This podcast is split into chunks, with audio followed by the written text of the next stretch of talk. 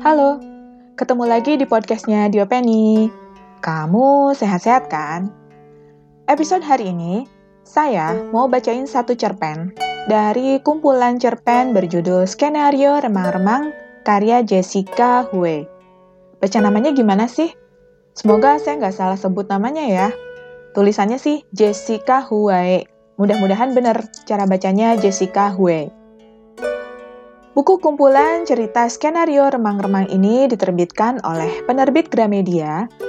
Yang saya punya itu cetakan pertama. Terbitnya bulan Juni tahun 2013. Cerpen yang mau saya bacain hari ini berjudul Get 4 atau Get 4. Siap-siap ya, lumayan panjang soalnya. Semoga kamu nggak ketiduran dengerin saya bacain ini. Halo, kosong kan? Seorang pria muda memaksaku mengalihkan perhatian dari layar laptop mungilku tidak lama setelah mendaratkan pantatnya di bangku kosong sebelahku. Aku mengamatinya dari atas sampai ke bawah. Kutaksir usianya sekitar akhir 20-an. Berkacamata bingkai kura-kura.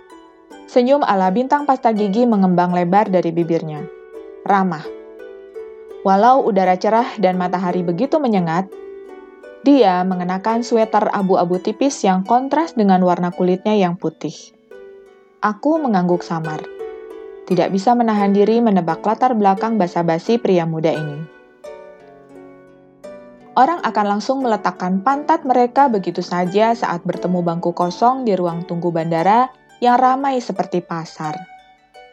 Ada yang meletakkan tas tangan mereka di bangku agar orang lain tidak bisa duduk.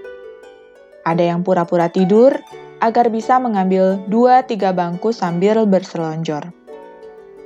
Ada wajah-wajah letih yang menatap layar gadget mereka dengan bosan. Ada juga yang bolak-balik mengecek tiket dan menghujani jam tangan dan jam besar di ruang tunggu dengan tatapan gelisah. Pria ini bisa duduk begitu saja tanpa perlu meminta izin lebih dulu.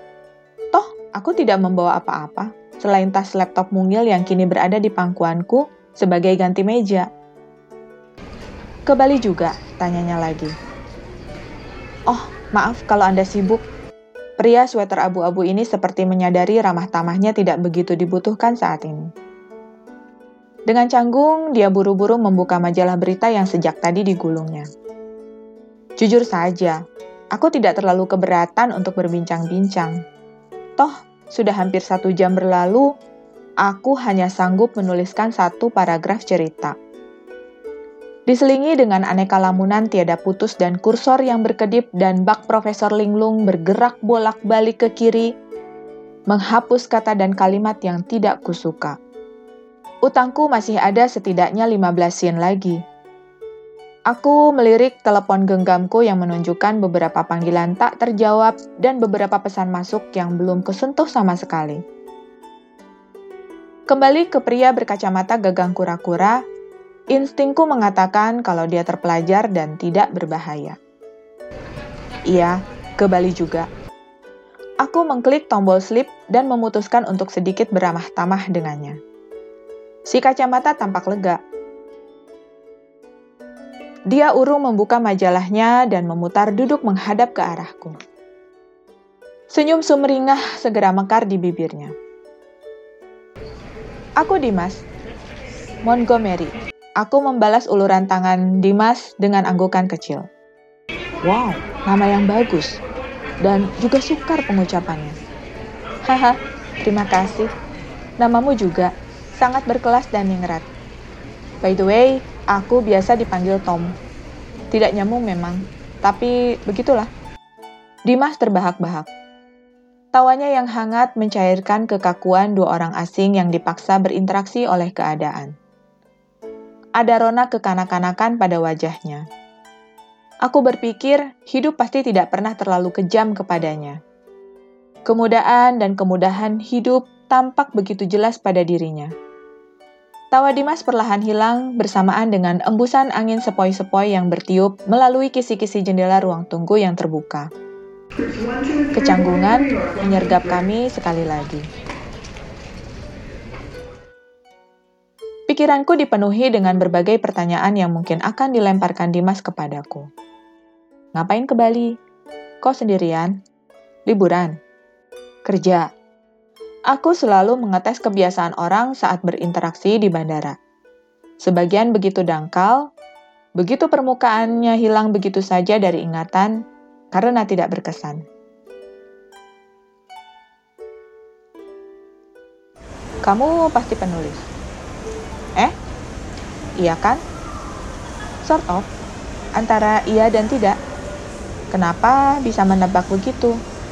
Kali ini, aku benar-benar mengesampingkan laptopku. Pembicaraan ini bisa menjadi sesuatu yang menarik. Pertama, dari cara dahimu berkerut.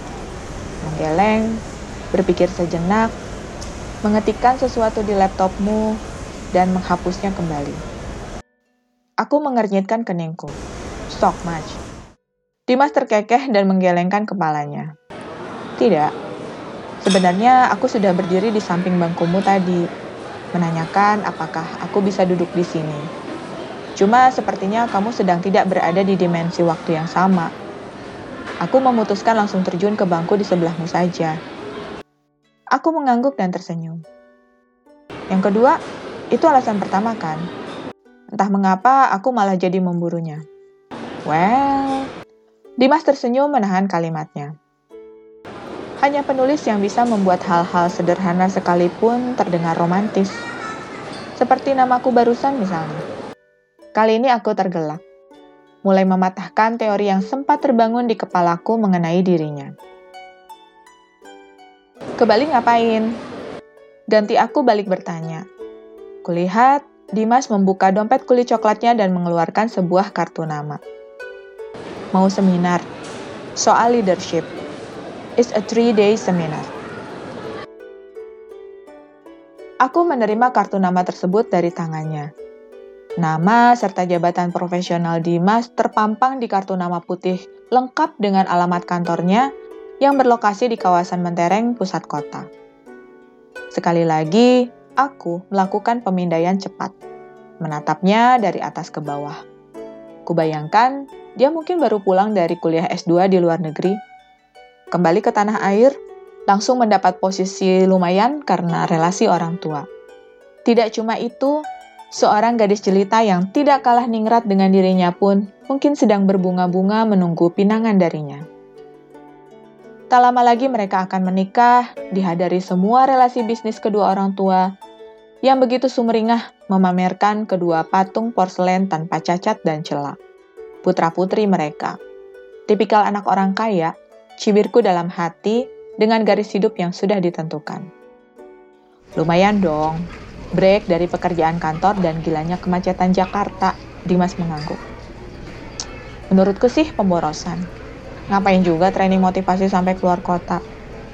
Survei membuktikan suntikan motivasi seperti ini paling lama hanya bertahan sampai satu bulan.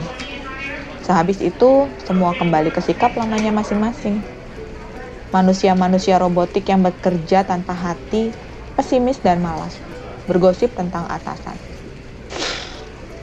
Dimas membalik jempolnya. Tapi toh, kamu memutuskan berangkat juga, sindirku. Bali is still Bali, man. Dimas terkekeh. Sorry, tapi aku nggak punya kartu nama. Selain rasanya tidak perlu, aku juga tidak ingin berkontribusi terhadap semakin parahnya kegundulan hutan karena terus ditebangi untuk hal-hal seperti ini. Sekali lagi di Master Kekeh, tidak merasa terganggu dengan ucapanku yang terdengar sinis. Kamu sendiri ngapain ke Bali? Tunggu, biar aku tebak.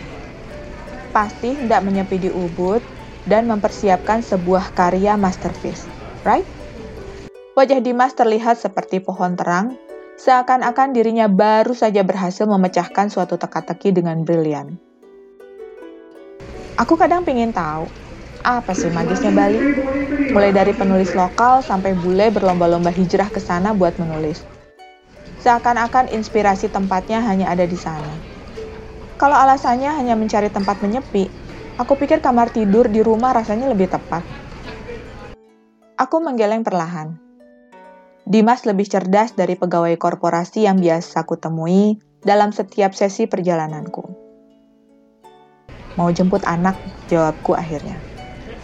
Aku dan mantan istriku Telma baru berpisah awal tahun ini. Aku menetap di Jakarta, sementara dia ikut suami ekspatnya yang tinggal di Seminyak. Kami berbagi hak pengasuhan.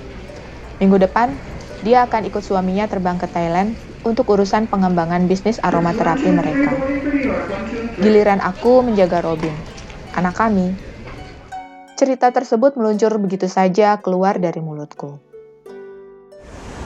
Kenapa bercerai? Pertanyaan Dimas mengejutkanku. Sedikit lancang bagi seseorang yang baru menghabiskan waktunya tidak lebih dari 15 menit duduk di sebelahku. But only if you don't mind.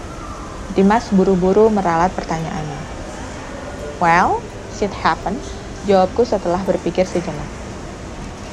Di puncak karirku di dunia korporat, aku memutuskan resign dan memenuhi panggilan jiwaku jadi penulis. Aku pikir dengan meluangkan waktu untuk lebih banyak menulis, aku bisa menghasilkan masterpiece. Bukuku laku keras di pasaran dan terus cetak ulang. Kemudian ada tawaran untuk mengangkatnya ke layar lebar. Aku diundang ke berbagai acara sebagai pembicara. Kisahku seharusnya bisa jadi inspirasi dan ikut mengubah hidup banyak orang juga. Bagaimana seorang pegawai biasa berani mengikuti kata hatinya dan akhirnya berhasil mewujudkan cita-citanya menjadi seorang penulis. Kisah hidup yang seharusnya berakhir bahagia, bukan? Dimas mengangguk. Lantas, rencana besar itu kupikirkan dan kuambil tanpa sedikit pun meminta pendapat istriku. Bukan keputusan yang bijaksana, jawabku sambil menggelengkan kepalaku. Bagaimana nasib bukumu? The Masterpiece? Tanya Dimas. Aku tertawa getir.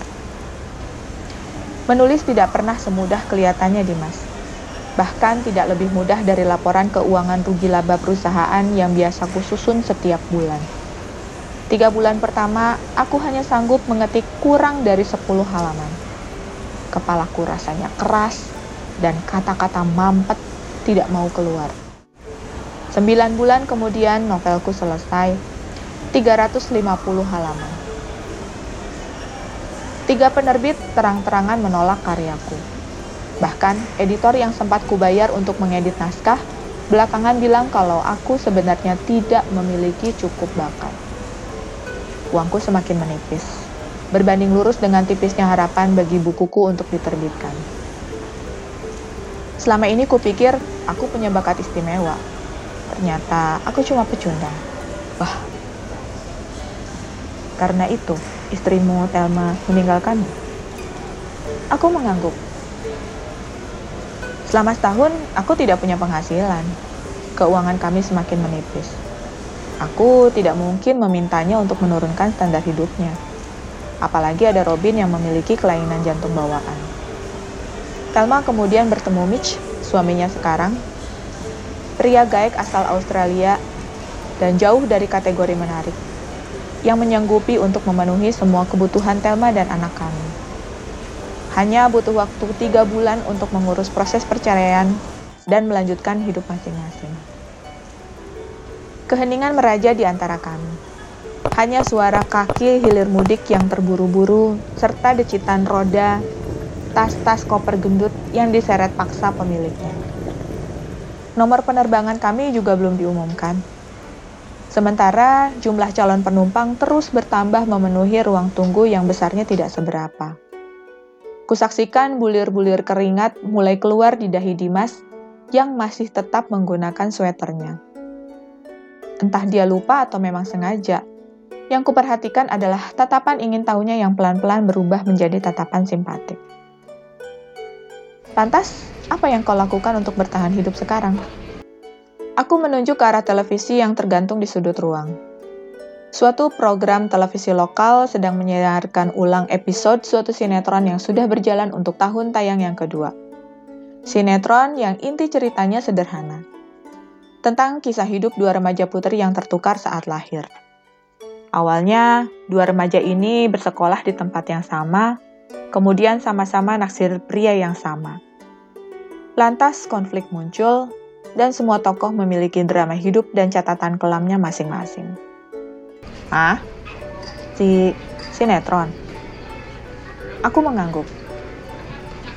Tidak terlalu membanggakan memang, mengerjakan skenario serabutan dan kejar tayang. Tapi begitulah caraku bertahan. Oh, maaf, bukan begitu maksudku. Aku hanya tidak menyangka. Sinetron yang judulnya sering kami jadikan guyonan di kantor ternyata, ya ternyata saat ini aku bertemu penulisnya. Dimas menggeleng-gelengkan kepalanya, tidak bisa menyembunyikan keheranannya. Sampai berapa lama kira-kira sinetron ini akan selesai? Saat mereka akhirnya bertemu orang tua kandungnya masing-masing ya? Aku mengangkat bahu. Tergantung.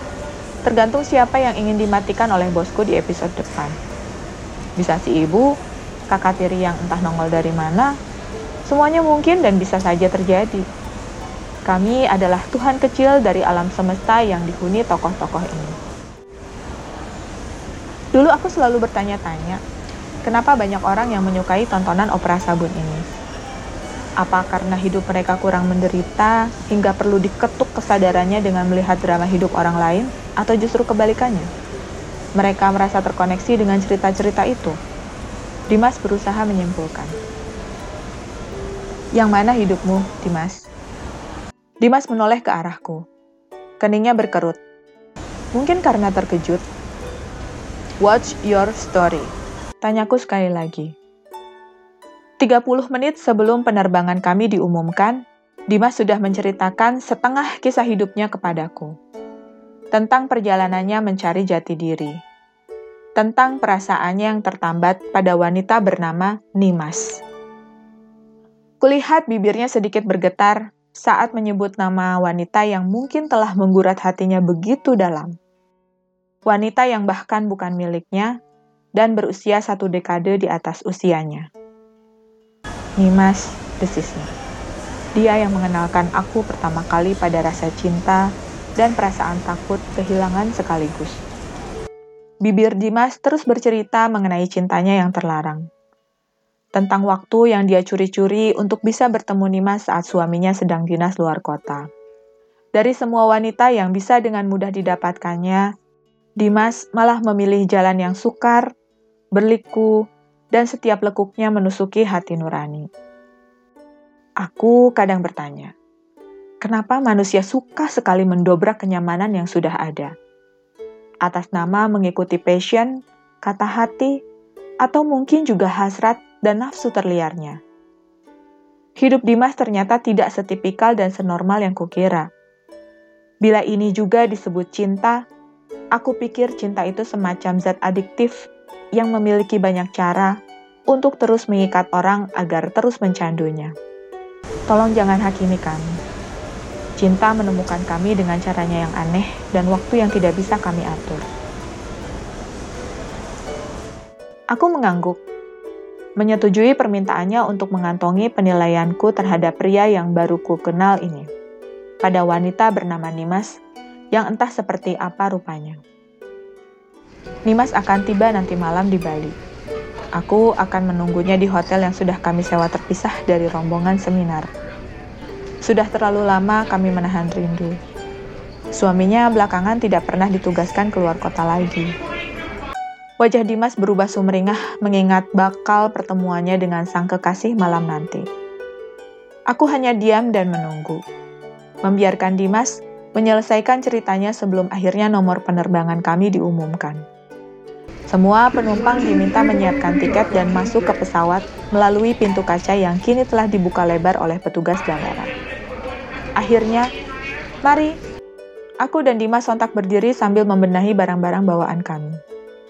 Aku merasakan teleponku bergetar di saku kiri kemejaku. Aku sepertinya harus ke toilet dulu, sekaligus mengangkat telepon ini, ujarku sambil membaca nama yang tercantum di layar teleponku. Sampai jumpa di pesawat, Bung. Atau mungkin di Bali langsung.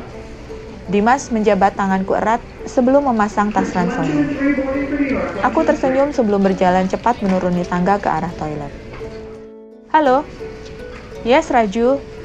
Produserku di ujung telepon segera memberondongku dengan pertanyaan tentang kapan skenario untuk episode minggu depan bisa diterima secepatnya melalui email. Sore ini, jawabku, aku punya beberapa ide cerita baru. Oke, aku kerjakan sekarang. Janjiku sebelum menutup telepon. Aku segera mencuci tangan dan membenahi tas laptop. Berjalan keluar ruang tunggu dan mengangkat tangan kepada beberapa petugas bandara yang sudah tidak asing dengan kehadiranku. Aku tidak butuh Bali atau tempat-tempat sunyi lainnya di dunia. Aku cukup pergi ke bandara, mengajak ngobrol siapa yang mau bersikap ramah dan mau terbuka, menyerap setiap kisah hidup mereka dan merekamnya dalam mesin memori di kepalaku. Aku berganti nama, peran, dan kisah setiap waktu sebagai timbal balik, mereka akan menceritakan rahasia-rahasia dari gua terdalam dalam hidup mereka. Drama percintaan, perselingkuhan, sampai kepedihan hidup yang membuatku kadang merasa sesak dan sesekali ikut menitikkan air mata. Tidak selamanya aku mengarang cerita. Aku memang masih lajang dan tidak memiliki anak dengan kelainan jantung bawaan. Namaku bukan Montgomery apalagi Tom. Seperti kisah hidupku, Nama asliku juga terlalu datar dan membosankan untuk disebutkan. Nama orang kebanyakan dengan kisah hidup orang kebanyakan. Tidak ada yang istimewa. Akan tetapi, aku tidak berbohong mengenai perjuanganku untuk menjadi penulis. Cita-citaku kelak adalah menulis suatu karya sastra yang bisa menggerakkan manusia, membawa perubahan, revolusi berpikir. Aku tidak bohong soal penolakan Naskah bukuku masih teronggok tak terjamah di sudut kamar kosku.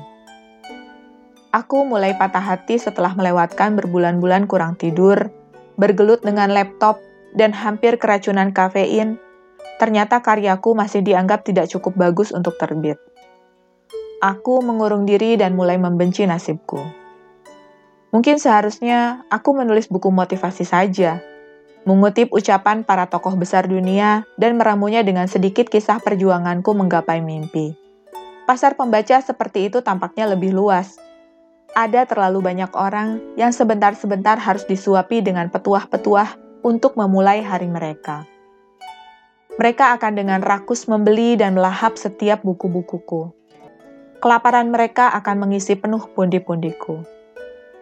Akan tetapi, tanganku terasa kaku setiap aku hendak memulai. Bagaimana aku bisa menulis dan menjadi inspirasi buat banyak orang? Bila aku sendiri merasa hidupku membosankan dan hidup dalam merasa frustasi berkepanjangan. Sampai aku bertemu Raju, pria keturunan India yang meminta aku menulis dalam format yang berbeda. Kamu bisa terus menulis dan bertahan hidup, ujarnya waktu itu. Dia benar, sebagai gantinya, aku disibukkan membuat skenario sinetron stripping yang baru ku ketahui kemudian ternyata memakan waktu dan energi masa mudaku. Bahkan kadang sedikit kewarasanku. Namun kegilaan ini memberi makan bagiku, ibuku, dan adik-adikku di daerah asalku, Deli Serdang sana. Pekerjaan ini juga memberiku sedikit harga diri, karena setidaknya aku makan dari periuk nasiku sendiri tanpa perlu berutang kanan kiri. Mungkin lain kali aku seharusnya ikut casting dengan menjadi aktor saja, dan melupakan cita-cita muliaku sebagai penulis yang karyanya bisa mengubah dunia. Dari kejauhan, aku melihat pesawat yang seharusnya kutumpangi bergerak perlahan di landasan, sebelum akhirnya melesat cepat di lintasan dan terbang membelah awan. Gimana? Kamu suka ceritanya? Sebenarnya kalau di bukunya banyak typo-nya atau kayak misplace gitu sih. Tapi saya betulin ala saya. Nggak banyak kok, lumayan lah. Saya sih suka walau absurd gitu ceritanya. Ternyata ya, dia bukan Tom atau Montgomery dan dia bukan mau ke Bali. Kalau kamu punya request bacain puisi atau cerita, boleh loh DM saya di Instagram di Openi atau kirim message di Anchor. Oke, okay, sekian dulu read aloud saya di part bacain salah satu cerita dari buku skenario remang-remang karya Jessica Hue. Jangan lupa follow Instagram di Openi ya. Segmen Read Aloud insya Allah akan selalu hadir setiap hari Senin, biar Senin kamu jadi yay, it's Monday. Makasih ya udah dengerin. Sampai ketemu lagi. Kamu harus terus sehat biar bisa dengerin saya read aloud lagi. Jangan lupa, bahagiamu always comes first. Dadah!